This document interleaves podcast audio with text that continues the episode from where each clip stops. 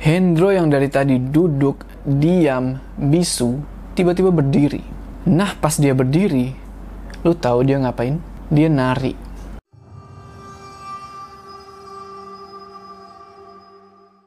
Assalamualaikum teman-teman, balik lagi sama gue Apa kabar kalian semua? Semoga kalian semua yang menonton video ini diberikan kesehatan, dilancarkan rezekinya Dan selalu dimudahkan urusan-urusannya Dan selalu dilindungi dari wabah yang sedang melanda dunia saat ini.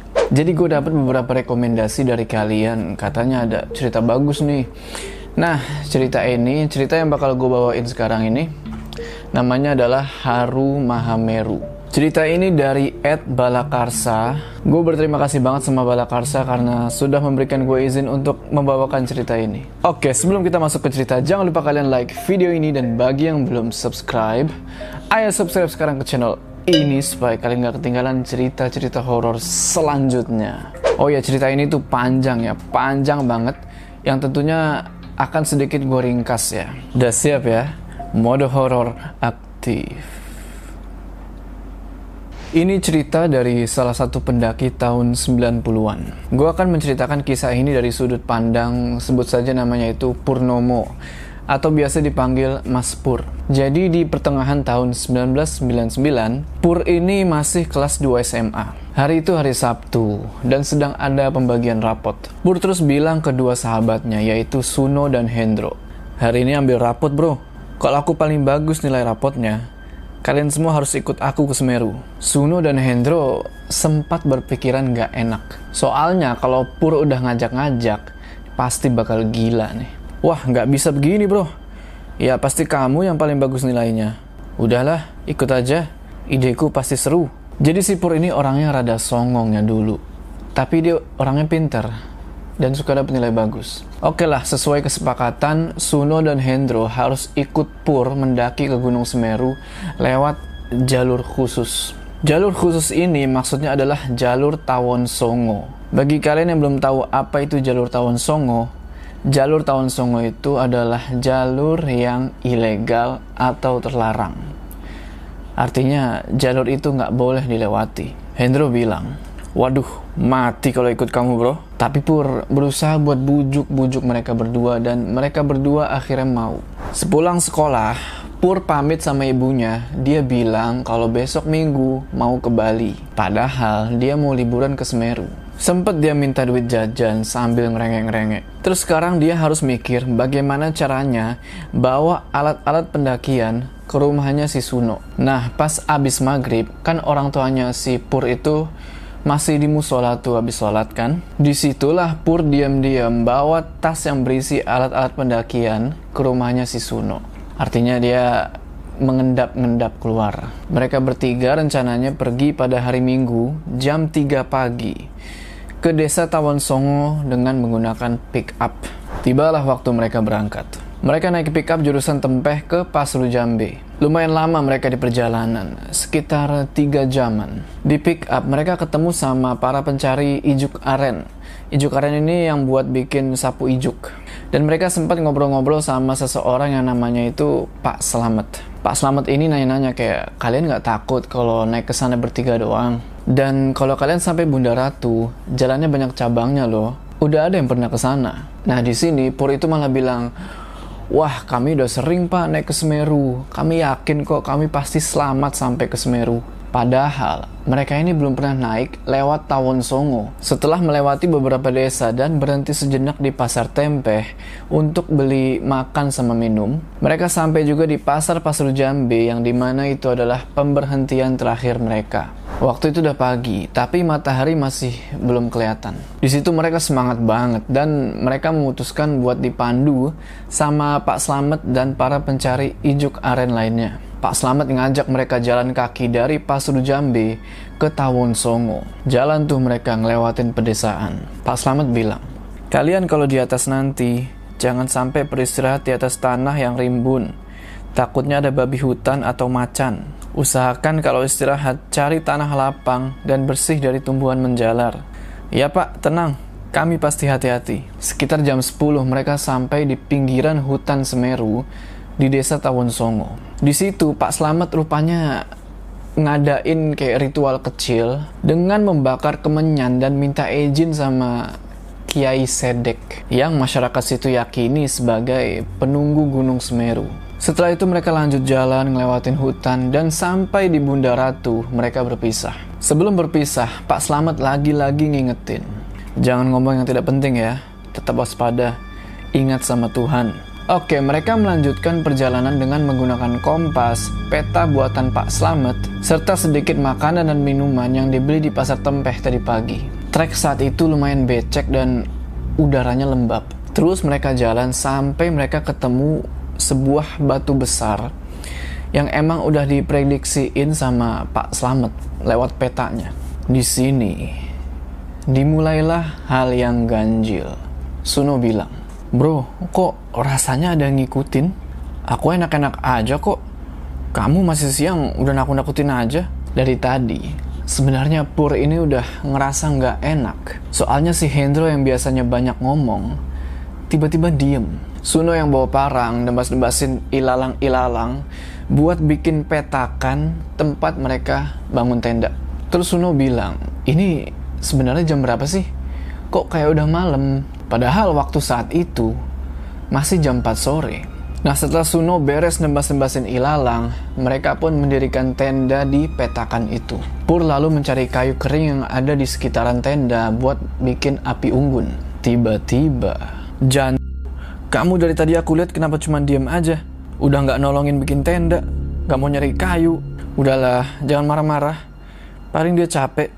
Kulihat dari tadi jalannya kayak orang mabok. Singkat cerita, api unggun udah nyala. Air hangat udah jadi, mie udah siap.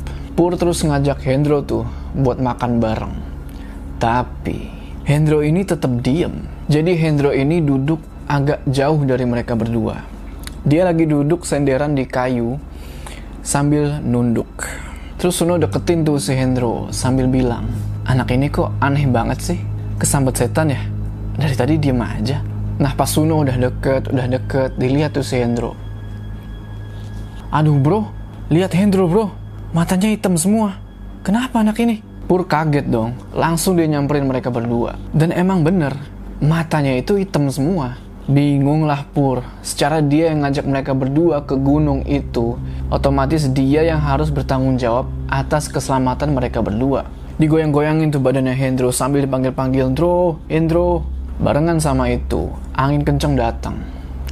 Dan bau-bau bunga hutan mulai kecium. Udah digoyang-goyangin tuh badan Hendro.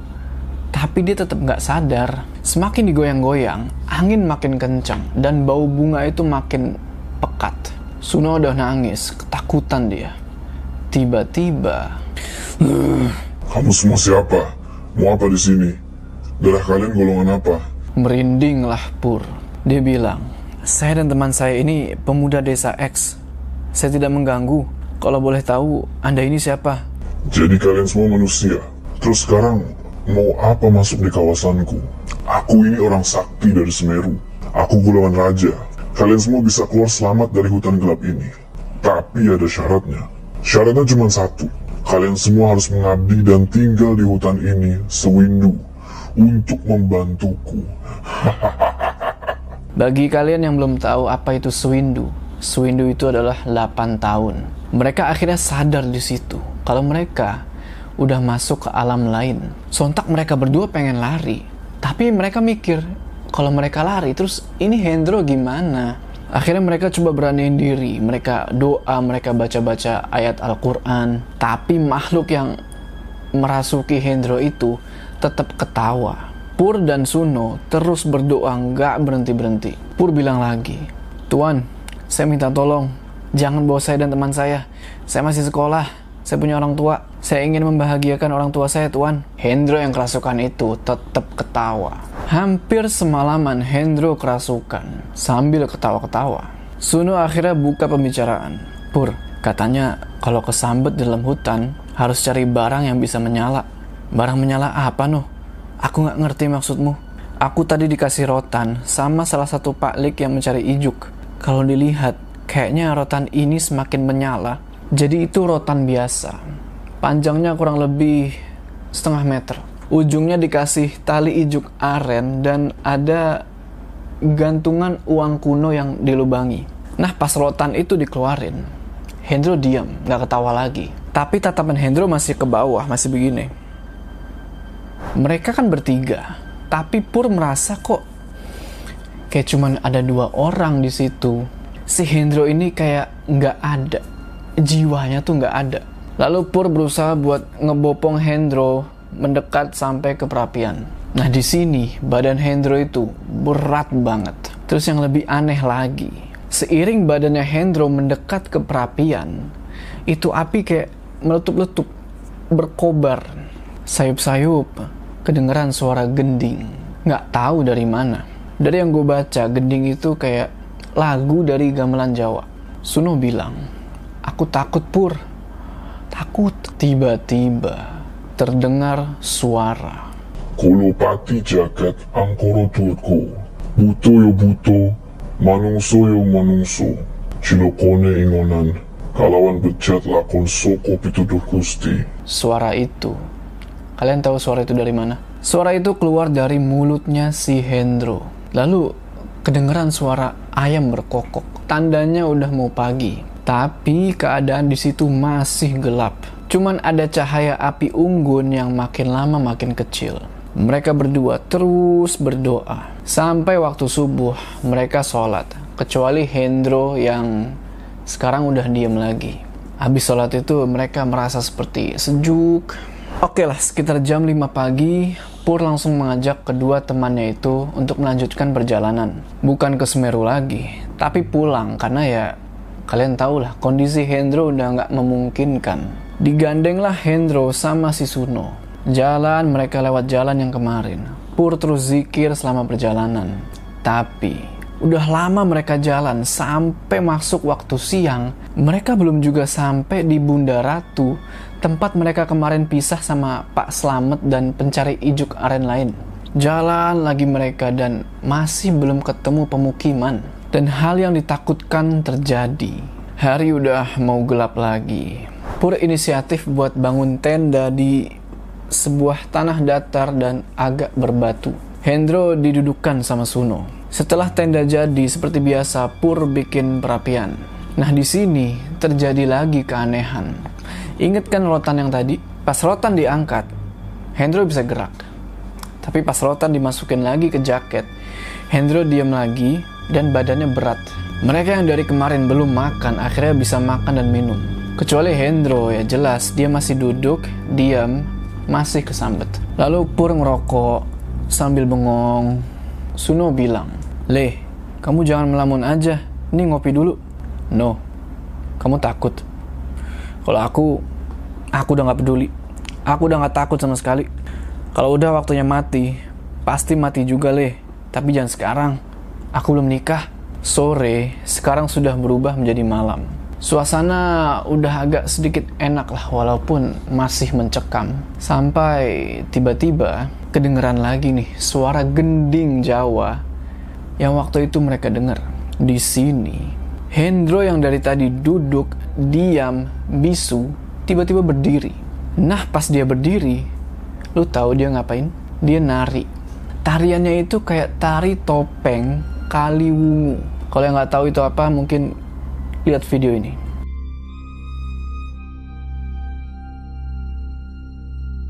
Luwes banget narinya. Semakin lama gerakannya tuh semakin menjadi-jadi. Pur sama Suno cuman bisa ngeliat dengan pasrah, nggak bisa ngapa-ngapain. Lumayan lama mereka ngeliat si Hendro ini nari. Tapi kok lama kelamaan kayak banyak orang lain yang ikut nonton juga. Dan Hendro sekarang udah nggak nari sendiri. Tapi dia nari ditemani sama beberapa orang. Pada akhirnya kelihatan jelas lah siapa orang-orang yang lagi nonton itu. Mukanya buruk banget. Tiba-tiba ada seorang nenek-nenek datang. Orangnya bungkuk, pakai jarik sepinggang. Dia nanya, Anak ganteng, kamu datang dari mana nak? Apa datang dari bawah sana? bingung mereka mau jawab apa. Terus akhirnya Pur bilang, Anu nek, saya dari kampung yang ada di bawah. Saya tidak tahu sekarang ini di mana. Kalian semua sekarang ada di alas bong. Enak di sini anak ganteng. Kamu dan temanmu bisa jadi cucuku. Nggak masuk akal.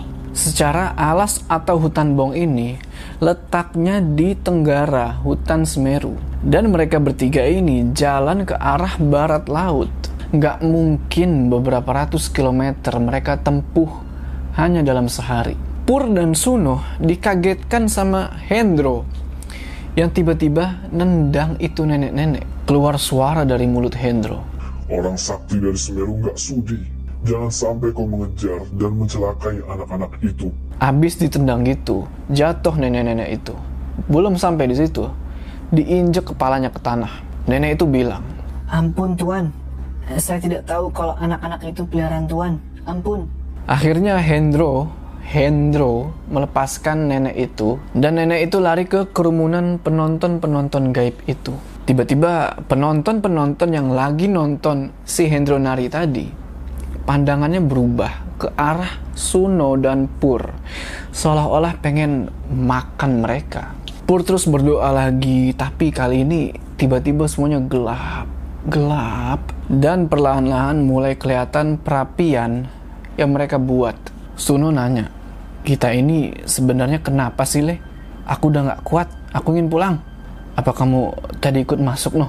Apa kamu juga melihat wayang orang? Suno mengangguk. Lagi-lagi keluar suara dari mulut Hendro. Kamu semua sudah aman anak ganteng. Aku cuma menjaga dirimu dari setan hutan bong. Kamu tidak usah khawatir. Temanmu ini cuma aku jadikan mediaku agar bangsa setan tidak mengendus dan tidak tahu kalau aku yang menjaga kalian semua. Yang jadi pertanyaan di sini adalah kenapa malam sekarang udah berganti pagi? Setelah membongkar tenda dan mematikan perapian, mereka melanjutkan jalan pulang, menyusuri jalan yang nggak tahu benar atau salah. Tiba-tiba Hendro teriak, Jangan, kamu apakan aku? Kok kamu ikat tali tambang? Sontak, Pur dan Suno ngeliatin Hendro bingung. Ini orang udah normal apa? Masih kesambet? Hendro bilang lagi, ngapain kamu melototi aku? Emangnya aku maling? Mereka berdua pun akhirnya memeluk Hendro secara bergantian karena mereka di situ yakin kalau itu udah bener-bener Hendro. Bola matanya yang awalnya hitam semua sekarang udah normal. Mereka nangis di situ.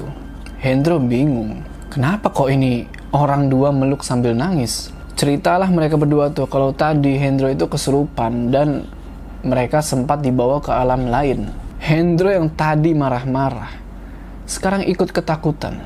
Dia bilang, sialan, untung aku nggak dibawa. Lah, aku nggak ngerasain apa-apa. Yang aku ingat ya pas setelah kita pisah sama Pak Slamet. Terus aku disapa orang tua di jalan yang mau ke Kalimati. Nah sekarang kok aku di sini? Di Katali Tambang lagi. Sempat sedikit bahagia mereka karena teman mereka yang satu ini udah sadar. Tapi kebahagiaan itu nggak lama. Hendro dan Suno udah kelaparan. Persediaan makanan, air minum, udah habis. Mereka naik turun jalur terjal untuk mencari makan dan minum. Tapi susah, karena Pur dulu anak Sispala. Akhirnya dia punya ide buat makan tunas rotan muda dan minum air embun yang ada di permukaan daun-daun talas. Jadi tunas rotan muda itu dibakar terus dimakan bareng-bareng dan air embun itu dikumpulin ke dalam botol. Di situ situasi udah enak. Mereka udah bisa bercanda-canda. Jalan terus sampai mereka di batu besar tempat mereka mendirikan tenda di malam pertama. Pur yakin itu tempat yang sama. Soalnya di situ ada bekas perapian dan bekas makanan mereka yang gosong. Hendro yang nggak tahu apa-apa ngusulin buat bangun tenda di situ. Suno langsung bilang, jangan di sini, mending terus jalan aja. Masih siang gini mau bangun tenda? Iya bener, udah jangan di sini. Mending terus jalan aja. Kita ikut jalur yang ada di peta Pak Slamet ini. Perjalanan berlanjut. Trek benar-benar terjal. Kurang lebih sekitar 45 derajat tingkat kemiringannya. Terus jalan sampai mereka ketemu jalan buntu. Yaitu tebing, udah lumutan yang lumayan tinggi. Langsung Pur ngeluarin kompas. Yang anehnya di sini, kompasnya ini jarumnya muter-muter terus.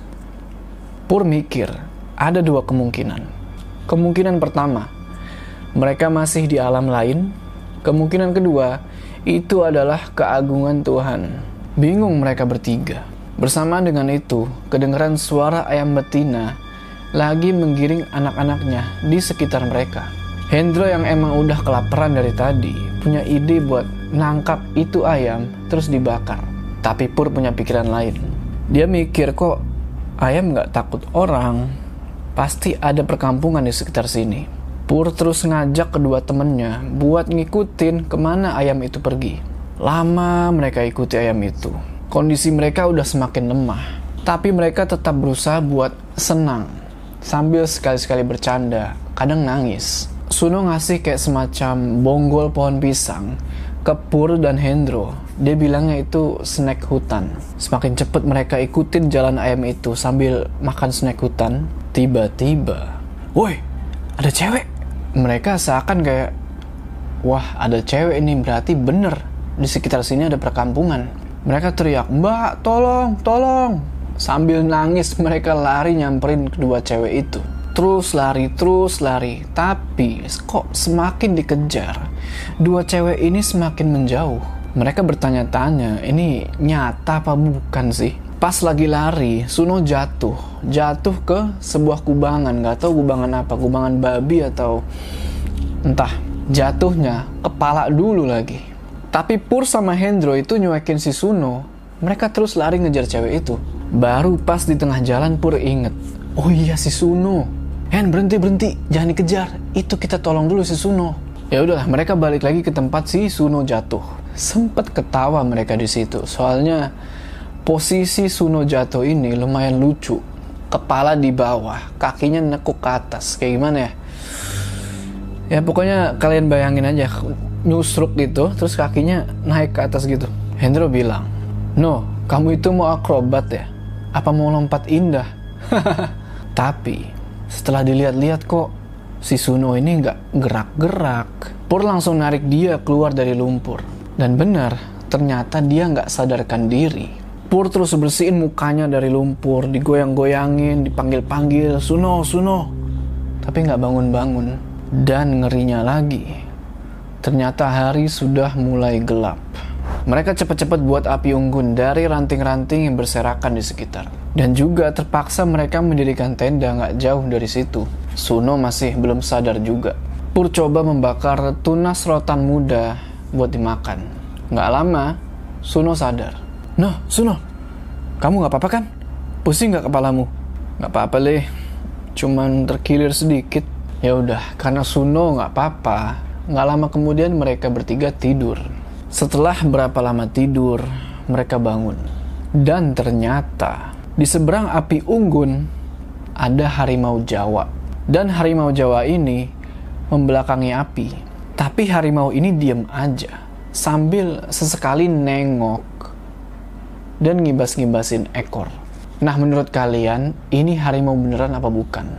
Karena berdasarkan yang gue baca ya, harimau Jawa ini udah punah di sekitar tahun 1980-an. Pur bilang, udahlah kalau belum waktunya dimakan macan, nggak mungkin kita dimakan. Mbah He, saya minta izin tidur di sini. Mbah He ini sebutan buat harimau Jawa. Sebenarnya mereka ketakutan, cuman mereka pasrah aja. Tapi untungnya malam itu nggak ada gangguan-gangguan gaib dan mereka tidur sampai pagi. Besok paginya, macannya udah nggak ada. Mereka bertiga langsung matiin api unggun dan beres-beres peralatan. Agak ke atasan dikit itu ada kayak sungai kecil, airnya jernih. Mereka bersih-bersih di sana sambil ngisi botol minum. Setelah itu mereka nyari tanaman pakis hutan buat dimakan. Nah, di sini mereka itu merasa kayak lagi diawasi oleh sesuatu atau seseorang. Kompas masih nggak berfungsi dan jam sekarang juga mati. Setelah dari sungai, mereka balik ke tempat di mana mereka kemarin ngeliat dua cewek itu. Mereka jalan menyusuri jalur. Dan tiba-tiba, kalian semua ini siapa?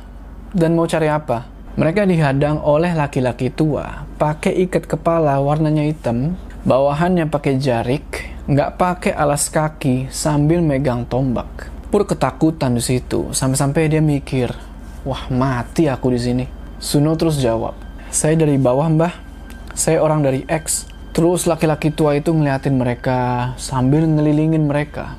liatin, liatin. Abis itu dia senyum. Dia bilang, saya orang sini, mari mampir di gubuk saya. Di situ, mereka yang tadinya takut jadi senang. Singkat cerita, mereka ikutinlah itu laki-laki tua. Dan sampailah mereka di sebuah perkampungan. Cuman kampung ini aneh, kayak kampung-kampung zaman dulu. Rumah-rumahnya sederhana, kayak gubuk bertingkat. Gambarannya kurang lebih kayak gini. Rumah itu berjejer, saling hadap-hadapan, tapi berjejer. Nah, di tengah-tengahnya ada kayak pepunden. Pepunden itu tempat sembayangnya orang Hindu.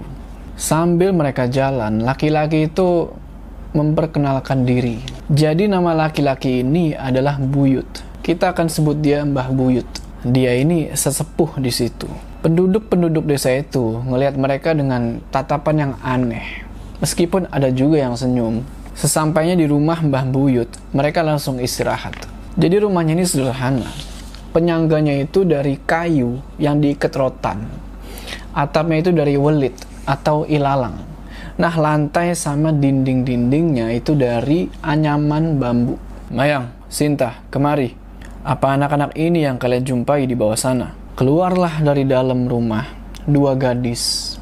Dan ternyata dua gadis ini adalah cewek yang dilihat sama Suno, Pur, dan Hendro. Dan ternyata dua gadis ini adalah cucunya Mbah Buyut. Mereka cerita ke Mbah Buyut kalau ada dua orang yang tersesat. Ya, Pur dan teman-temannya itu. Setelah itu Pur, Suno, dan Hendro minta izin buat mandi di sungai dekat situ. Singkat cerita, setelah mereka mandi, mereka balik ke rumahnya Mbah Buyut dan makan. Waktu itu matahari udah hampir terbenam. Setelah makan, Mbah Buyut nanya, sebenarnya kalian ini mau ke mana? Kok bisa kesasar di alas suwung? Terus berapa hari di dalam alas? Kita bertiga ini mau ke Semeru, Mbah, tapi kesasar. Nggak tahu jalan. Udah tiga hari kita di alas, Mbah. Saya tahu, nak. Tapi mau apa kalian semua di hutan? Rekreasi, Mbah? Apa itu rekreasi? Apa sama seperti bertapa gitu, Le? Rekreasi itu semacam berpetualang, Mbah. Saya dan teman-teman berjalan dari desa Tawon Songo ingin ke puncak Semeru. Hahaha, kalian ini kurang kerjaan. Kalau ke Semeru, bukan lewat sini. Kalau ke sini, ketemunya cuma pagar batu hutannya Semeru. Kalian semua bisa ke kawah Semeru lewat Ranu Kuning, Le. Tepatnya di sebelah antara utara barat Semeru. Kalian semua nanti aku kasih tahu arah dan jalurnya. Sementara waktu, mereka memutuskan untuk tinggal di desa atas awan ini. Tapi cerita masih panjang. Dan sebenarnya kampung ini tuh kampung apa? Temukan jawabannya di part selanjutnya. Jangan lupa like video ini dan bagi yang belum subscribe, ayo subscribe sekarang ke channel ini supaya kalian gak ketinggalan part selanjutnya dari kisah ini. Gua Jo, sampai ketemu di part selanjutnya.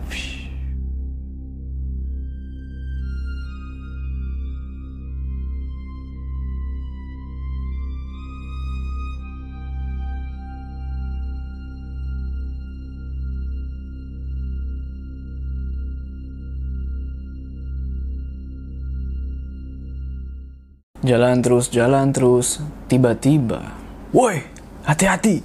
Ada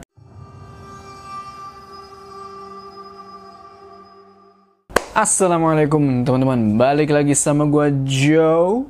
Apa kabar kalian semua? Semoga kalian semua yang menonton video ini diberikan kesehatan, dilancarkan rezekinya, dan selalu dimudahkan urusan-urusannya, dan selalu dilindungi dari wabah yang sedang melanda dunia saat ini. Kita akan melanjutkan cerita Haru Mahameru, di mana di part 1 kemarin, kita tahu Pur, Suno, dan Hendro itu mau naik ke Semeru lewat jalur yang ilegal atau terlarang, yaitu jalur Tawon Songo. Pada akhirnya mereka banyak menemukan kejadian-kejadian aneh sampai mereka di suatu perkampungan.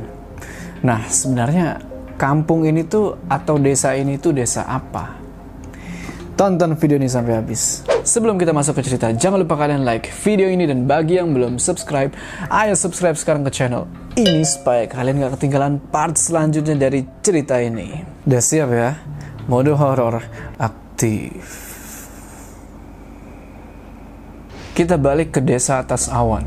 Pur, Suno, dan Hendro masih di rumahnya Mbah Buyut. Hendro tiba-tiba nanya, Bentar Mbah, Anda dan penduduk sini itu apa manusia? Kok tidak sama dengan yang lainnya? Aku ini manusia, sama denganmu semua, Le. Menurut cerita nenek moyangnya Mbah Buyut, dia dan warga-warga di desa atas awan datang dari Majapahit. Oh ya, gue udah ngasih tau kan nama dua cucunya Mbah Buyut, yaitu Mayang dan Sinta. Nah, jadi si Pur ini kelihatannya dia suka sama si Mayang. Sedangkan si Suno, dia suka sama Sinta. Oke, kita lanjut tentang asal-usul Mbah Buyut dan warga-warga situ. Ini menurut pemahaman gue ya. Dari zaman dulu sampai nanti dunia hancur, Mbah Buyut dan warga-warga situ nggak boleh keluar dari alas X. Ini disensor ya. Alas X ini adalah tempat di mana desa atas awan itu berada. Dan warga situ harus patuh sama kepercayaan Hindu Siwa. Seandainya kalau ada salah satu warga yang mau keluar dari situ, mereka harus melakukan sembahyang hilang ingatan. Buat jaga-jaga agar nggak ada orang jauh yang merusak tatanan Sang Hyang Widi tiga kayangan. Hyang Widi tiga kayangan ini adalah kepercayaannya Mbah Buyut sama warga-warga situ. Agamanya. Maksudnya tiga kayangan ini, kan kalau di Hindu itu ada Trimurti ya. Ada Dewa Brahma, Dewa Wisnu, sama Dewa Siwa. Dan yang dimaksud orang dari jauh itu adalah orang-orang dari tanah Arab yang mau mengajak warga-warga situ yang menganut uh, kepercayaan Hyang Widi untuk menyembah Allah, Tuhannya umat Islam. Tapi Mbah Buyut dan warga-warga situ tetap berpegang teguh sama kepercayaan mereka, yaitu Hyang Widi tiga kayangan. Bisa disimpulin karena keyakinan itulah mereka memilih buat menetap di desa itu dan menutup diri dari dunia luar. Suno terus nanya, terus apa anda tidak ingin tahu nasib Majapahit mah? Mbah Buyut nggak menjawab pertanyaan ini dan mengalihkan pembicaraan. Lama mereka ngobrol, pada akhirnya malam semakin larut, dan mereka pun tidur di rumah itu. Besok paginya mereka bangun. Jam tangan Pur sekarang udah bener lagi. Tapi kompasnya masih belum bisa dipakai. Lalu Mayang dan Sinta mengajak Pur ke mata air. Mau mandi sekalian ngambil air katanya. Ya udah singkat cerita, mereka berangkat tuh ke mata air. Di perjalanan ke mata air, mereka ketemu sama warga-warga tuh. Semuanya pada senyum, belum ada yang aneh-aneh. Pada ramah. Sampailah mereka di belik atau mata air. Jadi beliknya itu ada empat bagian. Yang paling atas itu buat ngambil air atau masak. Tengah atas buat mandi laki-laki. Tengah bawah buat mandi perempuan. Dan yang paling akhir atau yang paling bawah itu buat buang air yang nantinya air dari situ mengalir sampai ke bawah nggak tahu ke mana. Jarak antar belik itu sekitar 20 meteran. Selesai mandi, mereka ngisi bejana dan kendi dengan air untuk dibawa ke rumahnya Mbah Buyut. Pas diangkat, kendi itu nggak taunya berat. Sipur kewalahan di situ. Mayang bilang, gimana mas? Berat ya? Saya aja yang bawa. Gengsi dong Sipur, nggak mau dia. Secara dia cowok, Masa kendi air aja mesti dibawain? Oke lah, jalan mereka ke rumah Mbah Buyut. Dan sesampainya di sana, ternyata si Suno sama Hendro lagi enak-enakan ngerokok. Sambil minum wedang buatan Mbah Buyut. Mereka gak ikutan mandi, katanya dingin. Ngeliat si Suno sama Hendro ngerokok, Mbah Buyut sempet bingung. Kata dia, ini benda apa? Ya maklum lah kalian tahu, Mbah Buyut gak pernah keluar dari situ. Suno bilang, ini rokok mbah, mereka ngobrol-ngobrol dan makan di situ sampai matahari itu udah mulai menyengat. Sebelum mereka meninggalkan desa itu, mereka diberi bekal sama wejangan dari Mbah Buyut. Dia bilang, Pokoknya nanti kalian harus kuat melawan godaan setan atau hewan kasar. Berdoa kepada Sang Hyang Widi, jaga ucapan dan tingkah laku. Jangan memberitahu jalan untuk orang luar. Biar aku dan wargaku bisa hidup tentram. Setelah selesai dikasih nasihat, Hendro yang orangnya emang rada nyeleneh nanya, sebentar mbah, apa mbah nggak kangen dengan Majapahit. Akhirnya Mbah Buyut cerita, dia paham kalau kerajaan Majapahit itu sudah waktunya hancur dan digantiin sama negara yang namanya gula kelapa. Dia udah nggak rindu lagi. Dulu waktu dia masih kecil, dia pernah didatengin sama pemimpin gula kelapa. Oh iya, gula ini artinya adalah merah, kelapa ini artinya putih. Terus beliau diajak turun buat nyaksiin kemerdekaan gula kelapa itu. Cuman bapaknya Mbah Buyut nggak mau turun gunung. Siapa pemimpin gula kelapa ini? Kenapa dia bisa dengan mudah masuk ke perkampungan itu? Setelah obrolan itu, Mbah Buyut ngajarin mereka tentang cara-cara gimana alam itu memberikan tanda supaya mereka bisa ngerti dan nggak tersesat di alas suwung. Beliau juga cerita kalau dulu pernah ada pesawat jatuh di situ, tapi bukan milik negara gula kelapa. Karena panji atau lambangnya itu beda. Mungkin pesawat Belanda di era penjajahan. Habis itu Mbah Buyut ngasih mereka peta dari daun lontar yang digambar pakai getah damar. Nah, peta ini mengarah ke puncak Semeru. Sekarang matahari udah di atas kepala, udah trik. Nggak hanya peta, mereka juga dikasih tahu kayak tanaman-tanaman apa yang berbahaya dan segala macam. Dan juga satu barang penting yang dititipin yaitu garam. Biar gampang bawanya, garam itu diikat pakai daun waru. Nggak lupa juga Mbah Buyut ngasih ubi sebagai bekal tambahan. Tapi di sini Pur tiba-tiba merasa nggak ingin pergi dan dia minta ke Mbah Buyut buat nginep semalam lagi. Apa mungkin karena Pur ini berat meninggalkan Mayang? Mbah Buyut pun mengizinkan mereka buat nginep lagi. Waktu berlalu dan sekarang siang udah menjadi sore. Pur bilang, Mai, Mayang, ada yang bisa saya bantu? Apa ambil air lagi seperti tadi pagi?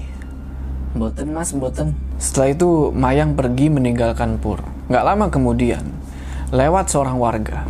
Warga ini bawa sesuatu kayak babi hutan. Dia bilangnya dari lembah Ranu Kuning. Ranu Kuning. Lalu pemuda itu bilang, Misi mas, apa kamu dari kampung bawah? Iya mas. Kamu namanya siapa? Lastika Dewa mas. Kamu Purnomo ya? Lastika ini pemuda yang gagah dan sopan. Ikut saya mas. Jalan ke hutan bawah cari kera. Singkat cerita, mereka pergi tuh berburu. Ternyata di balik ajakan Lastika itu ada maksud tersembunyi.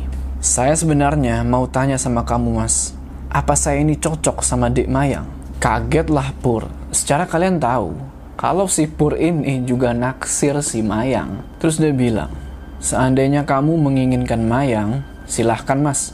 Saya nggak pantas sama Dek Mayang. Mereka lanjut berburu sampai malam datang dan setelah itu mereka balik ke rumahnya Mbah Buyut. Sesampainya di rumah Mbah Buyut, Pur, Suno, dan Hendro udah siap-siap buat tidur. Tapi Pur belum bisa tidur malam itu karena dia tahu kalau ada sepasang telinga yang lagi nunggu dia buat ngomong. Kalian tahulah telinga siapa itu. Pur bilang, Aku tahu kamu belum tidur, dek. Maaf, aku harus meninggalkanmu. Bukan aku tidak suka atau tidak sayang, tapi aku sadar, aku itu tamu dari luar. Aku tidak bisa menjadikanmu istriku. Sepanjang malam, Pur ngomong dengan suara yang lirih. Dan kedengeran pula isak tangis dari wanita yang disukainya. Gak terasa pagi datang. Dan itu adalah tanda. Tanda kalau mereka harus berpisah. Apa sudah bangun anak-anak itu, Do? Kalau belum, tolong dibangunkan. Jimba, Mayang terus nyamperin mereka bertiga dan nyuruh mereka buat ke belakang buat mandi. Pur bilang, sebentar dek, uh, boleh aku bicara sebentar. Mayang cuma ngangguk. Di sini Pur bilang, terima kasih untuk dua hari ini dek. Aku juga minta maaf kalau aku buat kesalahan. Aku minta maaf seandainya membuat kamu sakit sampai seperti ini. aku nggak tahu mas. Rasanya hati ini senang sekali waktu ketemu kamu kemarin. Tapi sekarang hati ini rasanya sakit. Aku Jadi Mayang dan adiknya, Sinta, mereka ini selalu ditinggalin sama orang-orang yang mereka sayang. Mulai dari ibunya, bapaknya, dan sekarang Mayang harus ditinggal sama Pur. Pur bilang lagi, Dek, kamu kenal Lastika? Itu sebenarnya pemuda yang cocok bersamamu. Lama mereka ngobrol, sampai tiba-tiba. Udah bangun anak ganteng? Aku ngerti apa yang kamu pikirkan. Kalau kamu mau ikut sama dia, aku nggak bisa cegah.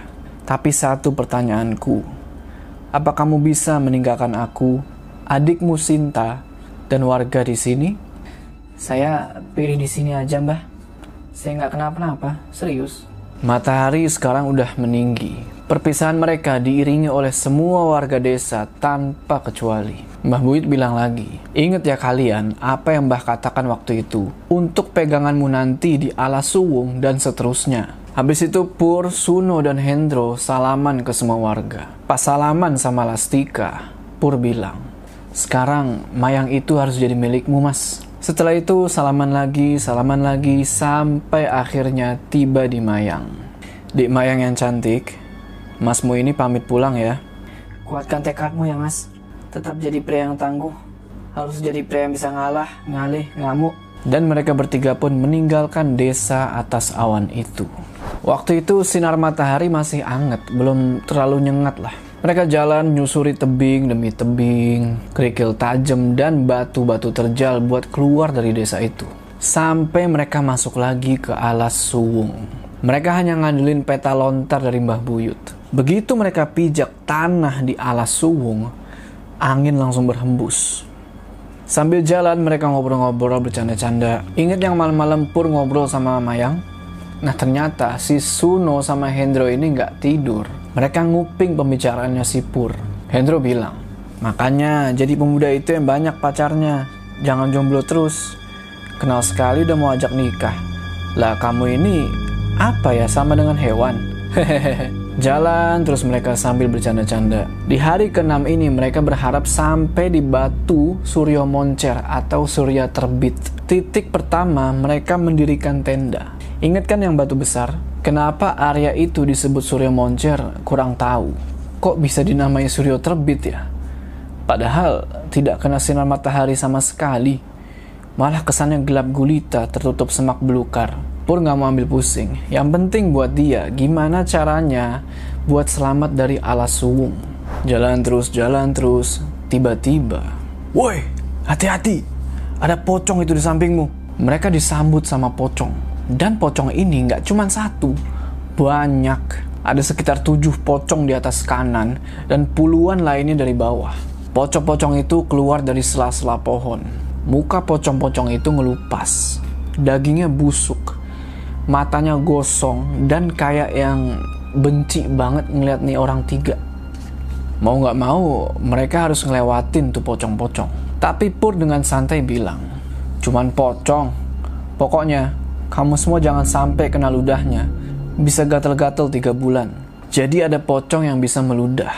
Dan ludahnya kalau kena kulit bakal melepuh. Gatel-gatel bahkan sampai jadi koreng hitam bernanah. Suno langsung ngambil langkah ke depan dia bilang, jangan sampai salah satu dari kamu meludahi aku dan temanku. Kalau sampai kamu lakukan, aku siksa kamu pocong. Mereka bertiga ini emang gak pernah takut sama yang namanya pocong, genderuwo, kuntilanak. Buat mereka, makhluk-makhluk ini tuh demit kelas teri. Jalanlah mereka ngelewatin pocong-pocong itu ke arah batu besar. Pocong-pocong itu cuman melotot ke mereka. Dalam peta yang dikasih sama Mbah Buyut, diisyaratkan pakai gambar matahari yang artinya mereka nggak boleh telat sampai batu besar itu jangan sampai malam datang mereka jalan dari pagi ke siang siang ke sore dan sekarang hari sudah makin gelap. Hendro bilang udah gelap. Apa nggak ada bahaya lagi nanti di sini? Gelap ya biarin aja. Yang menakutkan itu bukan gelap tapi mulutmu yang tadi bicara kotor terus. Padahal Pur juga ketakutan di situ. Meski begitu, mereka harus sampai ke batu besar itu. Memang udah kelihatan batunya, tapi kok semakin dideketin, semakin jauh. Sekitar satu jam, mereka harus lewat jalan yang terjal buat sampai ke titik pertama mereka bangun tenda di batu besar itu. Dan akhirnya sampai juga. Batu biasa memang, gak ada yang aneh. Tapi, kenapa banyak penjaga nggak kasat mata di sana? Dan batu itu kayak diselimuti kabut tipis. Dan yang bikin mereka heran lagi, mereka selalu ngerasa kalau bakal ada dimensi lain yang bakal mereka lewati. Nggak pakai pikir panjang, Pur langsung nyuruh Suno buat bikin perapian. Nggak lupa mereka juga membakar garam dari Mbah Buyut.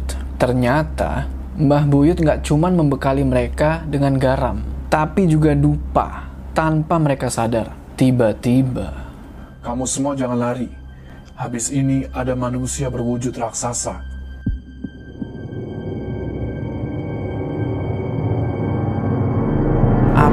Bakal terjadi sama Suno, Hendro, dan Pur di hutan Suwung itu. Dan siapa raksasa yang dimaksud sama suara misterius ini? Saksikan di part selanjutnya. Jangan lupa like video ini dan bagi yang belum subscribe, ayo subscribe sekarang ke channel ini supaya kalian gak ketinggalan part selanjutnya dari cerita ini. Gua Jos, sampai ketemu di cerita selanjutnya. Pshu.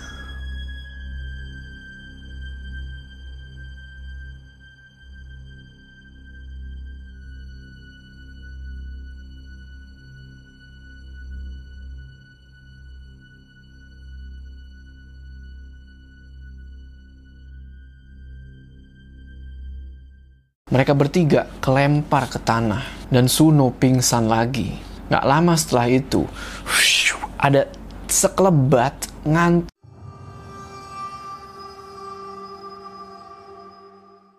Assalamualaikum teman-teman, balik lagi sama gue.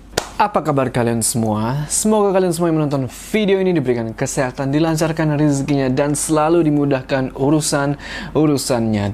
Dan selalu diberikan uh, perlindungan dari wabah yang sedang melanda dunia saat ini. Kembali lagi kita bakal melanjutkan cerita Haru Mahameru dari Ed Balakarsa. Kalau kemarin di part 2 kita tahu nih kalau si Pur, Suno, dan Hendro itu sempat masuk ke desa atas awan. Nah ternyata desa ini nggak semenyeramkan yang mereka kira. Si Pur sempat ketemu cewek di situ dan sempat naksir, tapi pada akhirnya mereka nggak bisa bersatu. Ya kalian tahu sendirilah ceritanya. Bagi yang belum nonton part 2, gue saranin kalian nonton dulu part 2-nya. Linknya ada di sini ya. Sebelum kita masuk ke cerita, jangan lupa kalian like video ini dan bagi yang belum subscribe, ayo subscribe sekarang ke channel ini supaya kalian gak ketinggalan part selanjutnya dari cerita ini. Udah siap ya? Mode horor aktif. Oke, kita kembali lagi di alas suwung, di mana mereka bertiga dengar suara. Kamu semua jangan lari. Habis ini ada manusia berwujud raksasa. Nggak tahu suara dari mana itu. Suno nanya, Bro, kamu dengar sesuatu nggak? Iya. Tapi siapa ya? Gak usah khawatir. Temanmu ini yang akan menghadapi jika raksasa itu datang. Lah, ini aku udah dibekali menyandu paratus dari mbah tadi pagi. Pur sempat mikir, ini anak kesurupan lagi. Yang mereka tahu, Hendro ini anaknya penakut. Tapi kok sekarang dia berubah? Malam itu, rintik-rintik hujan mulai turun. Mereka nggak bangun tenda, tapi berlindung di lubang kayu besar di atas batu bertulis itu. Bener aja. Beberapa saat kemudian, dari kejauhan kelihatan ada bayangan. Tapi, bayangan manusia apa hewan? Nggak jelas karena cahaya cuma dari perapian yang mereka buat. Pelan-pelan tapi pasti sosok itu mendekat, mendekat. Di situ Pur bilang, Udah, sekarang matiin api unggun itu. Ayo cepat naik ke atas pohon. Jangan sampai makhluk itu menangkap dan mencelakakan kita. Mereka panjatlah itu pohon besar. Kalau dilihat, agak sulit buat manjat pohon yang batangnya lumayan besar itu. Tapi mereka sendiri keheranan, kok gampang banget manjat pohon itu. Dahan demi dahan, Pur lihat ke arah barat. Sosok itu masih jalan-jalan ke arah mereka. Mereka sempat nggak percaya di situ. Makhluk itu badannya tinggi gede. Tingginya itu kira-kira hampir sama dengan tinggi di mana mereka manjat. Jadi misalnya mereka manjat segini, itu makhluk segini. Matanya itu kayak memancarkan aura yang kuat. Rambutnya sebahu, mukanya sangar. Hendro bilang, kok jelek banget ini cuk? Aku nggak berani ngajak barter sama Menyan kalau mukanya ngeri begitu. Kamu aja Pur yang ngomong. Siapa lagi? Siapa lagi kalau bukan Pur? Dia yang harus ketemu sama makhluk itu dan menukar menyan. Pur berusaha untuk nggak nangis. Dia berusaha berani. Dia gemeteran sambil baca surat-surat dari Al-Quran yang dia bisa. Takut yang bener-bener takut. Dia doa, Oh Tuhanku, aku yakin bahwa semua atas kehendakmu. Aku mati, mereka mati, dan semua pasti mati ya Tuhanku. Tapi aku minta pertolongan dan pelindungan darimu semata. Dia coba membenarkan posisi di dahan pohon besar itu. Dan berdiri di salah satu rantingnya. Jadi dia kayak begini nih. Berdiri. Dia udah siap buat menemui makhluk itu. Sudah lama aku tidak merasakan darah, daging dan tulang manusia. Kamu bisa jadi santapanku untuk menambah kesaktianku. Sosok ini ternyata adalah Buto atau raksasa dari golongan Demit. Pur ngomong ke Buto itu. Sebentar, jangan tergesa-gesa. Aku dan temanku ini mau cari jalan karena kesasar. Lah, kamu kenapa mau makan aku? Kamu ini siapa? Jangan sampai kamu, Buto, kena murkanya Tuhan. Buto ini gak bergeming. Dia bilang, Aku raja. Tidak ada acara mundur. Maju terus, aku makan dagingmu. Aku kunyah ubun-ubunmu. Aku hisap darahmu manusia. Tanpa mereka sadar, Hendro nggak taunya membakar kemenyan yang dikasih sama Mbah Buyut pakai korek api. Wangi menyan itu harum banget dan mereka belum pernah nyium wangi yang seperti itu. Malam saat itu benar-benar mencekam. Pur yang nggak pernah takut setan atau demit, malam itu benar-benar ketakutan. Dia bilang, nggak bisa, nggak bisa. Aku dan kawan-kawanku harus hidup, harus selamat. Tapi raksasa itu bilang, Buat apa ini? Aku mencium menyandu paratus surga alas. Siapa yang punya? Aku minta, aku minta. Aku bisa kasih kamu, tapi ada syaratnya. Jadi raksasa yang benar. Jadi raksasa yang nurut dengan Sang Hyang Batara Durga. Abis Hendro ngomong gitu, itu Buto mundur pelan-pelan sambil ngasih salam penghormatan kayak gini. Dia bilang, Maaf, aku tidak tahu. Kalau kalian semua itu masih saudara dengan manusia di alas. Aku ini pagar dan penjaga kampung alas. Makhluk ini adalah Raja Buto, namanya Yai Buto. Dia adalah penjaga gerbang menuju Alas Suwung dan kampung Alas. Aku tidak berani makan darah daging resi dan keturunannya. Aku minta maaf. Resi ini semacam pendakwah atau kalau di Islam itu kayak nabi. Mereka bertiga nggak ngerti ini Buto ngomong apa sih? Yang ada di kepala mereka waktu itu adalah ini raksasa. Raksasa beneran apa cuman perwujudan demit? Di sini hal aneh kembali terjadi. Suno baca mantra. Dia yang kayaknya itu udah hafal banget di luar kepala sama mantra itu. Padahal setiap kata-kata di mantra itu adalah dari bahasa Sanskerta yang mereka itu benar-benar sama sekali nggak paham. Hendro juga baca mantra, nadanya lembut tapi tegas. Tiba-tiba mereka ngerasain kayak getaran yang cukup kuat. Pur bertanya-tanya, apa ini yang dinamakan gesekan dimensi? Apa ini yang dimaksud moksa ora ilang? Gue kurang ngerti ya apa ini moksa ora ilang. Pur semakin deg-degan di situ. Si Yai Buto cuman diem aja. Pur terus nutup telinga, kepala sama badannya itu berasa berat. Sampai tiba-tiba Mari naik ke pundakku. Saya bisa bawa kalian sampai ke keraton Dewi. keraton ini berwujud ranu atau danau. Dan inilah yang terjadi selanjutnya. Mereka langsung naik ke pundak raksasa itu.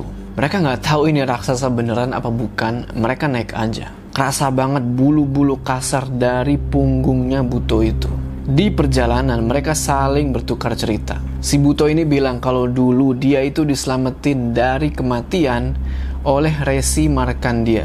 Pur dan dua orang temannya mikir, emang demit atau raksasa itu bisa mati? Tapi ya emang bisa, karena semua yang hidup pasti mati. Buto cerita lagi kalau dia itu berasal dari alas atau hutan tengger.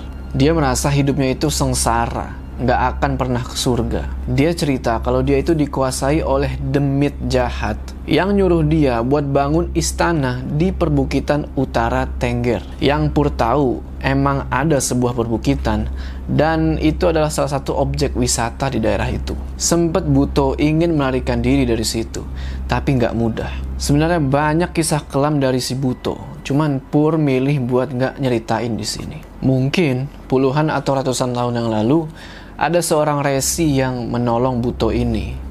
Dan sekarang Yai Buto jadi penjaga alas. Terus itu raksasa bawa Pur Suno sama Hendro di punggungnya. Ngelewatin jalan yang terjal dan menanjak. Bayangin kayak monyet gede lewatin pohon-pohon kayak mm. Pur terus berdoa di situ. Sampai tiba-tiba Buto bilang, Terus berperilaku baik dan mulia. Hidup bukan masalah siapa yang bilang kamu jelek atau buruk. Hidup itu yang penting dijalani dan berguna untukmu serta orang lain. Iya Yai, Pur berpikir mungkin ini salah satu kemudahan yang diberikan oleh Tuhan. Mulai dari Pak Slamet, Rotan, orang sakti dari Semeru, Macan Jawa, warga Alas X, dan sekarang si Buto ini. Pengalaman yang campur aduk. Yai Buto ini, walaupun nyeremin, tapi dia baik, suka ngasih wejangan-wejangan. Sampai beberapa saat kemudian, Suno nanya, Yai, apa masih lama perjalanan ke Ranu Kuning? Dibuat cepat bisa, dibuat lama juga bisa. Tinggal kamu mau yang mana. Pur masih bertanya-tanya dalam hati, ini raksasa apa demit? Pada akhirnya Pur beraniin diri buat nanya, maaf Yai, sebenarnya kamu itu golongan apa? Demit, setan, apa makhluk nyata?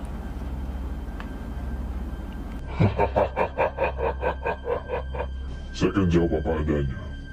Aku adalah Raja Buto dari Gunung. Aku abdi dan pesuruh Resi Markandia. Aku di sini untuk pagar kampung Alas. Dan aku dari golongan Demit. Buto itu bilang kalau dia itu demit yang bisa berwujud kasar. Perjalanan malam itu benar-benar di luar dugaan. Langitnya itu indah banget. Sampai tiba-tiba Yai Buto roboh nggak tahu kenapa. Mereka bertiga kelempar ke tanah dan Suno pingsan lagi. Nggak lama setelah itu, ada sekelebat ngantem Yai Buto secepat kilat. Yai Buto bilang, Jangan sampai hilang akal. Tetap waspada. Pur sama Hendro bingung, kenapa Yai tiba-tiba roboh? Ditambah lagi Suno pingsan. Mereka berdua langsung nyamperin Suno yang nggak sadar. Mereka berusaha nyadarin dia. Pur bilang, Yai, ada apa ini sebenarnya? Temanku pingsan ini. Nggak lama setelah itu, ada ular gede banget. Melingkar ke badannya Yai Buto dan melilit lehernya. Dan yang terjadi selanjutnya adalah mereka berantem. Yai sama ular ini. Bener-bener ngeri waktu itu. Pur cuma bisa nangis di situ.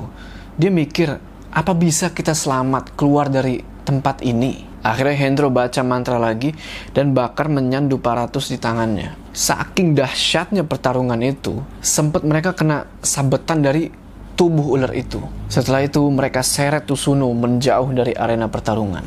Setelah agak jauh, Pur nyenderin Suno di sebuah pohon. Habis itu dia coba ngambil bungkusan garam, terus dia deketin lagi tuh ular. Terus dia lempar itu garam ke tubuh ular itu. Seketika itu juga, ular yang melilit tubuh Yai berubah menjadi seorang putri. Wajahnya cantik, cuman dari mulutnya keluar taring. Kayak ular, tatapannya tajam. Dia pakai kemben, jari kesedada. Dia bilang, Aku minta anak laki-laki itu. sambil nunjuk si Pur. Yai Buto udah lemes, ngos-ngosan. Di sini Pur beraniin diri. Dia bilang, kamu siapa? Kok berani meminta aku? Aku memilihmu karena aku tahu kamu anak laki-laki Rabu Wage. Aku ingin mengisap darahmu untuk melengkapi kanuraganku. Memang cantik, tapi kalian harus ingat kalau dia ini adalah demit alas Meru. Perwujudan itu cuma sebagai tanda. Kalau dia ini kastanya jauh lebih tinggi daripada Yai Buto. Dalam hati Pur bilang, aku harus lebih cerdik dari dia. Siapa namamu? Darahku mau kau apakan? Oke, sebenarnya Dewi ini ada namanya. Cuman yang punya cerita nggak mau sebutin. Buat kemudahan gua cerita, kita sebut aja dia Dewi Ranu. Dewi Ranu ini bilang kalau dia adalah penguasa Ranu Kuning. Ranu Kuning udah disinggung ya di part sebelumnya. Dia juga bilang kalau dia bisa jadiin Pur suaminya dan jadi laki-laki terhebat di dunia. Jadi paku dan sabuk Semeru, bisa berubah-ubah paras, nggak usah mikirin dunia lagi. Pur bilang, kamu bisa nikahi dan hisap darahku, tapi ada syaratnya. Apa? Aku sanggupi permintaanmu. Lama tuh Pur mikir, apa yang harus disyaratkan ya? Pas lagi mikir gitu, tiba-tiba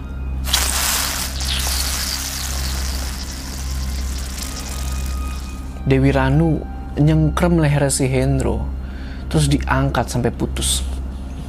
Nggak sampai di situ, udah diangkat gitu, diminum darahnya. Pur langsung teriak, Wah, Hendro, Hendro! Dia gemeteran lihat badan Hendro yang kejang-kejang di sampingnya. Gak ada kepalanya, tapi masih gerak-gerak.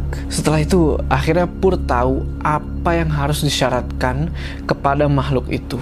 Syaratnya, kamu harus syahadat. Kalau nggak bisa, kamu mundur, kembalikan temanku dan jadi pesuruhku.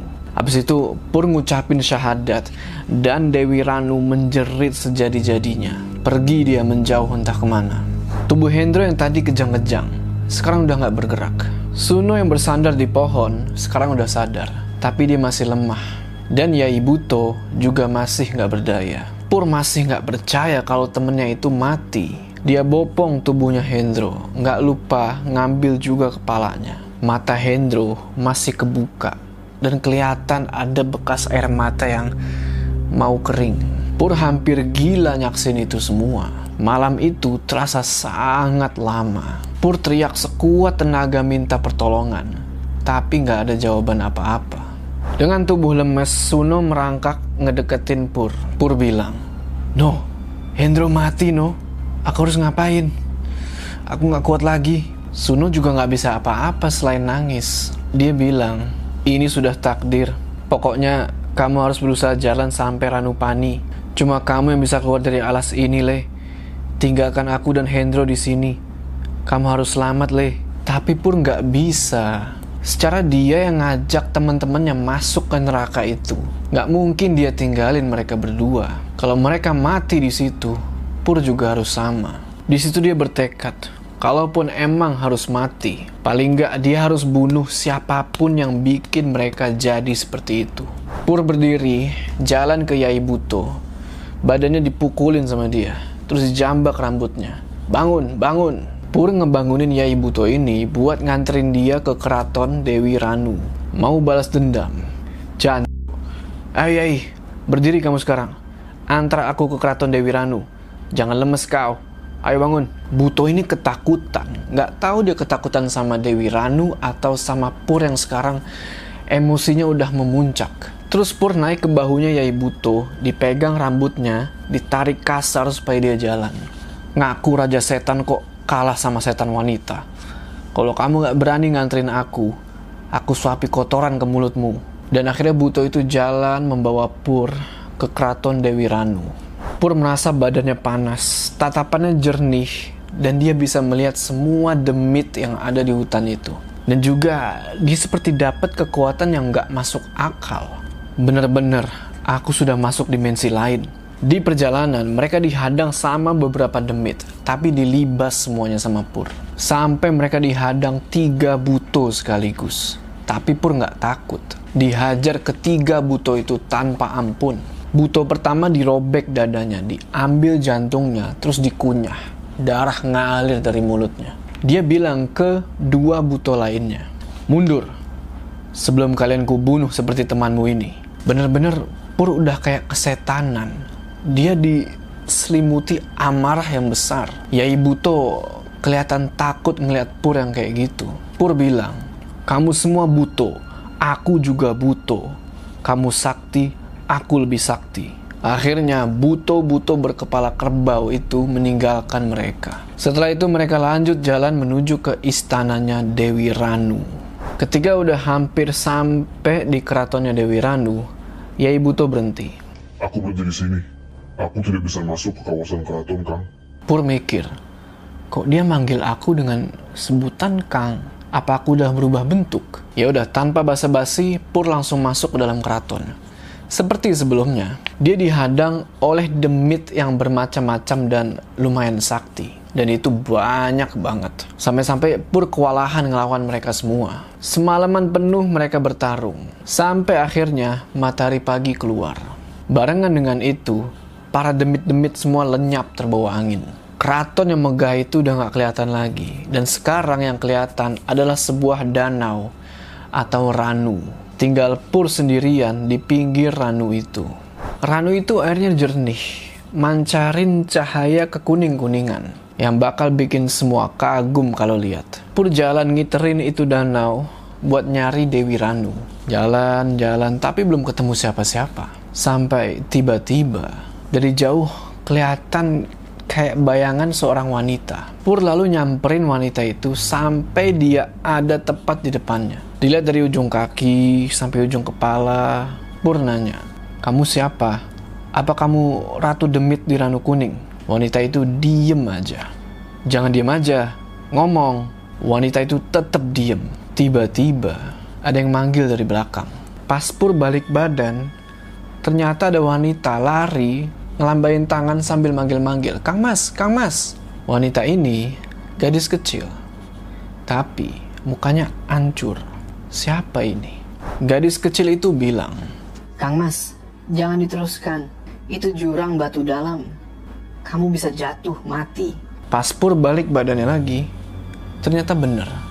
Selangkah lagi dia pasti jatuh. Akhirnya gadis kecil itu cerita siapa dia, kenapa dia bisa di situ, jadi gadis itu ditumbalin sama orang tuanya sendiri buat dapat kesaktian. Dan sekarang dia harus jadi budak dari demit hutan itu. Ditanya sama Pur, siapa namamu? Asalmu dari mana? Namaku Wati, Kang. Aku dari barat gunung. Kalian semua disuruh mampir ke tempatnya Mbah Ratu Dewi. Pur bingung. Dalam pikirannya dia bilang, kenapa sekarang aku malah diundang ke keraton Dewi Ranu? Padahal semalaman aku berkelahi hanya untuk masuk ke keratonnya. Kenapa sekarang diundang?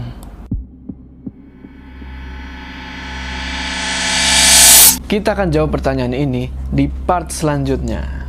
Sebelum kita berpisah, jangan lupa kalian like video ini dan bagi yang belum subscribe, ayo subscribe sekarang ke channel ini supaya kalian gak ketinggalan part selanjutnya dari cerita ini. Gua Jo, sampai ketemu di cerita selanjutnya.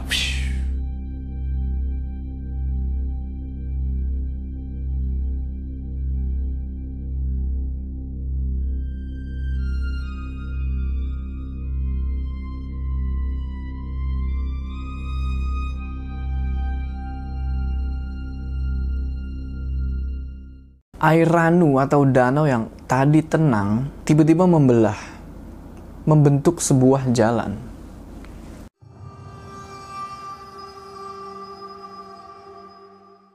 Assalamualaikum teman-teman, balik lagi sama gue Joe. Apa kabar kalian semua? Semoga kalian semua yang menonton video ini diberikan kesehatan, dilancarkan rezekinya, dan selalu dimudahkan urusan-urusannya, dan selalu dilindungi dari wabah yang sedang melanda dunia saat ini. Kembali lagi kita akan melanjutkan cerita Haru Mahameru dari Ed Balakarsa di mana di part sebelumnya kita tahu kalau Pursuno dan Hendro itu dibawa oleh seorang Buto Nah, Buto ini membawa mereka bertiga menuju ke sebuah keraton atau istananya Dewi Ranu di sebuah danau atau nama lainnya Ranu Kuning. Nah, di tengah perjalanan mereka ke sana, ternyata mereka dihadang sama Dewi Ranunya sendiri. Kalian yang udah pada nonton part sebelumnya pasti tahu kan kelanjutannya. Bagi yang belum nonton part sebelumnya, gue saranin kalian nonton dulu part-part sebelumnya biar ngerti ceritanya di sini ya. Sebelum kita mulai ceritanya, jangan lupa kalian like video ini dan bagi yang belum subscribe, ayo subscribe sekarang ke channel ini supaya kalian gak ketinggalan cerita-cerita horor selanjutnya. Oh ya, gue juga mau sekali lagi berterima kasih sama Ed Balakarsa karena sudah memberikan gue kesempatan buat membawakan cerita ini. Dan kalian juga harus cek tuh twitternya Balakarsa sama IG-nya Bala.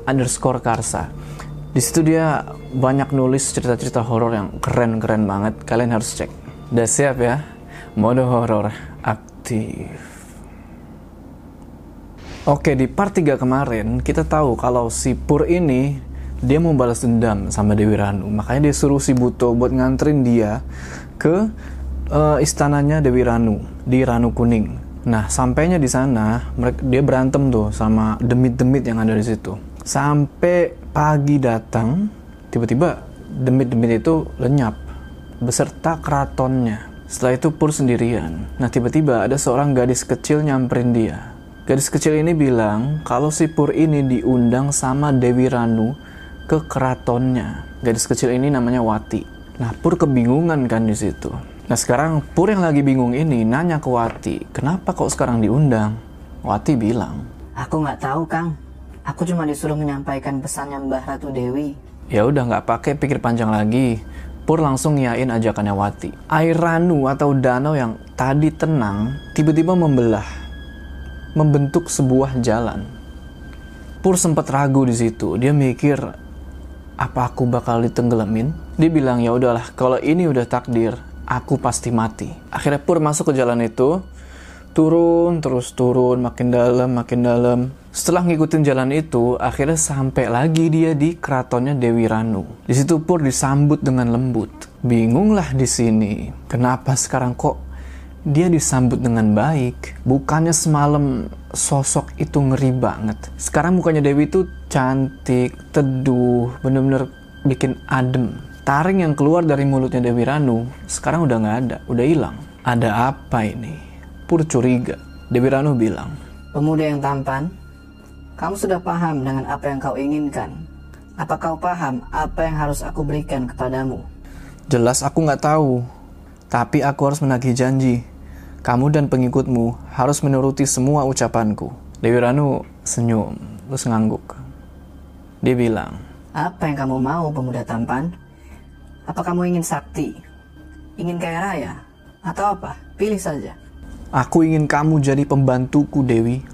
Apa yang aku inginkan harus langsung kamu turuti. Jika aku minta nyawamu, harus kau berikan. Apa kamu sanggup? si Dewi Ranu sekarang udah mulai kelihatan geram.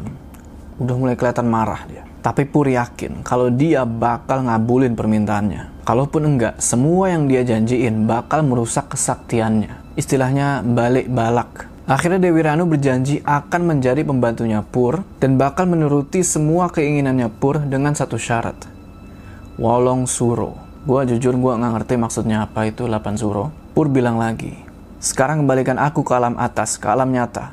Hidupkan temanku, tuntun aku keluar dari alas ini tanpa halangan. Seketika itu, Pur udah ada lagi di pinggir Ranu. Pur langsung emosi di situ. Jan, mana temanku yang kau janjikan? Mana Suno dan Hendro temanku? Di situ Dewi Ranu senyum. Habis itu dia bilang, Kamu ngerti apa yang kamu lakukan dari malam? Itu sejatinya adalah tingkah lakumu pemuda. Itu adalah gambaranmu dan teman-temanmu.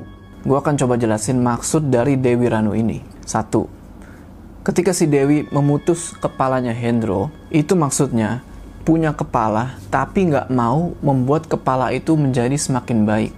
Pikirannya rusak, kotor, mulutnya senang bicara kotor, matanya untuk melihat hal-hal yang buruk. Nah kalau Suno, menurut Dewi, dia adalah gambaran orang-orang yang suka iri atau benci, tapi semakin ingin menang dan dianggap pahlawan. Punya badan tapi nggak berguna, nggak bisa apa-apa. Bisanya menyeret badan sampai lemas. Kalau Pur, kata Dewi Ranu, dia seperti buto yang memakai angkara murka di kepala dan di punggung. Kelakuannya seperti buto.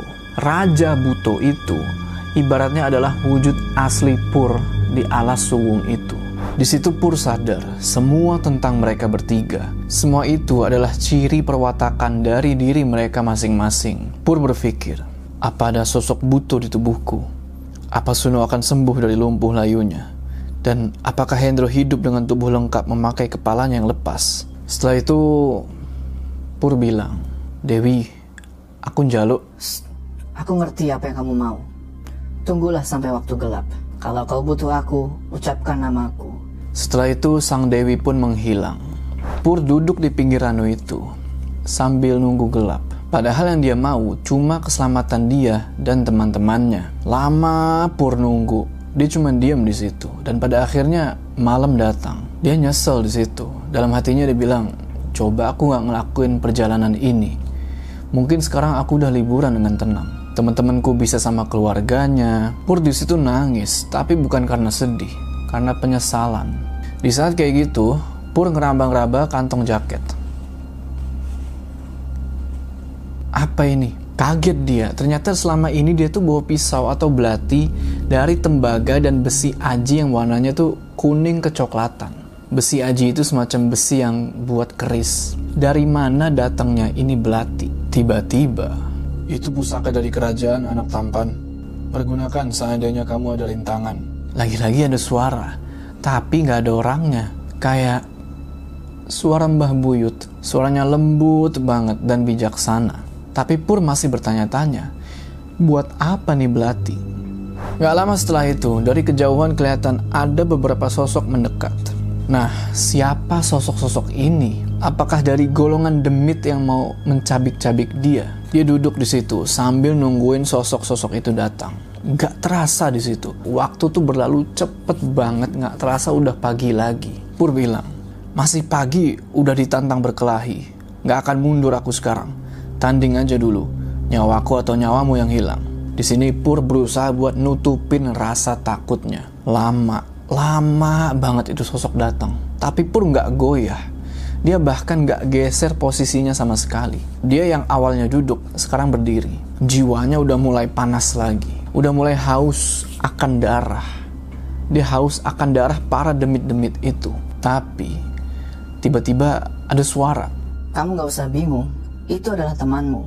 Tersentak Pur dengar suara itu. Ternyata itu adalah Mbah Ratu Dewi yang tiba-tiba muncul. Apa benar itu teman-temannya Pur?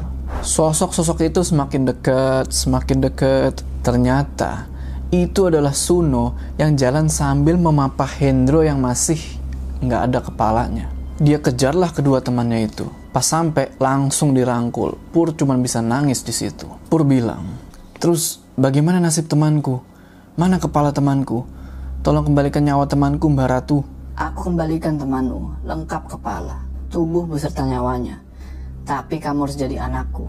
Setelah itu, awan di atas Ranu mulai ngeluarin petir. Air Ranu meluap-luap diterpa angin kencang. Pur bilang, aku nggak bisa jadi anakmu. Aku golongan manusia. Lah kamu demit. Kalau kamu nggak mau mengembalikan temanku, sekarang aku patahkan kepalamu. Aku tebas nyawamu. Aku luluh lantakan keraton dan rakyatmu. Ingat yang belati tadi? Dikeluarin, diangkat ke atas, diputer. Dan hal aneh terjadi. Awan hitam itu ikut muter. Dan seakan petir itu nurut. Daging tulang tidak dijual dan dibeli. Nyawa ya dibalas nyawa. Kepala ya dibalas kepala. Kemari datang ke hadapanku. Aku robek mulutmu. Sebentar, jangan marah dulu. Aku tahu dan mengerti apa yang dirasakan hatimu. Semua itu ada gantinya. Apa yang mau kau tukarkan anak ganteng? Bingung campur aduk di situ. Apa yang bisa Pur tukarkan? Aku bisa ngasih kamu apa aja. Tapi jangan yang membuat hatiku sakit seperti ini. Kamu sudah membunuh temanku. Tolong kembalikan temanku, lengkap tidak kurang sedikit pun. Senang rasanya kamu bicara seperti itu. Kata-katamu bisa mengembalikan teman sekaligus jati diri kamu semua. Setelah itu, Pur bersimpuh. Tuhan, aku tidak mampu dengan cobaan seperti ini. Gak lama setelah itu, Dewi Ranu bilang, Kamu lihat siapa yang sebelah selatan itu anak tampan? Itu temanmu semua. Pas dilihat, ternyata Suno sama Hendro sekarang udah dipanggul sama dua sosok buto. Dua orang itu diikat pakai tali ijuk kayak celeng hasil buruan. Hendro masih dengan tubuh yang membiru dan gak ada kepalanya. Dan hal yang selanjutnya bakal bikin kalian ngeri. Dewi Ranu ngambil kepalanya Hendro, habis itu dibacain mantra-mantra. Setelah itu ditaruh lagi itu kepala ke tubuhnya Hendro. Tiba-tiba langit jadi cerah. Ranu mengeluarkan kilauan cahaya kayak emas. Diangkat tubuhnya Hendro, dilempar ke Ranu. Dewi Ranu langsung baca-baca mantra lagi. Dan beberapa saat kemudian, keluarlah Hendro dari dalam Ranu kuning itu. Dewi Ranu bilang, Kamu, aku, dan apa yang ada di alam raya ini, semua ada yang menciptakan, ada yang berkuasa, ada yang menaungi. Sudah cukup aku menasihati kalian. Sekarang, berjalanlah ke arah surya citra Tuhan. Setelah itu Dewi Ranu menghilang beserta pengikut-pengikutnya, nggak tahu entah ke mana. Hendro jalan keluar dari Ranu nyamperin Pur. Pur langsung buka tali ijuk yang ngikat tubuhnya Suno dan langsung dipeluklah temannya itu. Pur bilang, terima kasih Tuhan, terima kasih Ratu Dewi, Terima kasih teman-temanku yang menemani selama ini. Hendro lalu bilang, Pur, ada apa ini? Badanku kok sakit semua. Nggak apa-apa Hen, ayo pulang. Nggak perlu dipermasalahkan. Pur buka kompas lagi. Tapi kompasnya masih belum bisa dipakai. Mereka mutusin buat nyari jalan ke Ranukumbolo dan hanya ngandelin kode-kode alam buat sampai ke sana. Jalan mereka ngelewatin jalan setapak. Cuman ada ilalang-ilalang kering dan batu tajam di kanan kiri. Hendro bilang, Bismillah. Kalau memang udah nasibnya selamat ya pasti selamat. Jangan mikir macam-macam bro. Eh cepet naik terus. Pur dan Suno sadar apa yang terjadi sama Hendro. Tapi Hendro nggak tahu. Semalaman badannya Hendro itu membiru, nggak ada kepalanya. Tapi dia sekarang hidup kayak orang biasa. Mereka berdua bertanya-tanya, apa yang sebenarnya Hendro rasain sekarang. Tapi mereka terlalu takut buat nanya. Parang udah hilang, nggak ada alat-alat buat bersihin ilalang-ilalang di depan mereka. Kecuali belatinya Pur yang tadi, dipakai buat membuka jalan. Siang berlalu dan nggak taunya udah malam lagi. Pur nanya ke Suno, No, tenda kita mana? Kok nggak ada? Nggak tahu leh. Mending tidur pakai ini aja. Suno ngasih jas hujan bentuk lelawar atau ponco ke Pur. Mereka tidur malam itu hanya pakai satu jas hujan itu. Dinginnya bukan main. Malam itu indah, nggak ada gangguan apa-apa dari dunia gaib. Tentram banget. Besok paginya mereka bangun. Pagi yang ke-8 di kaki Mahameru. Bangun bro, ayo mulai berangkat naik lagi. Udah deket nih, ayo cepet. Kaki berasa kayak mau copot. Perut udah perih karena lapar. Terus mereka jalan, jarang mereka berhenti, kecuali kalau mau buang air. Jalanan semakin menanjak dan sampailah mereka di sebuah daerah yang bernama Arcopodo. Udah sampai Arcopodo, leh. Terus ini kita ambil jalur yang mana? Pur ngeluarin kompas lagi.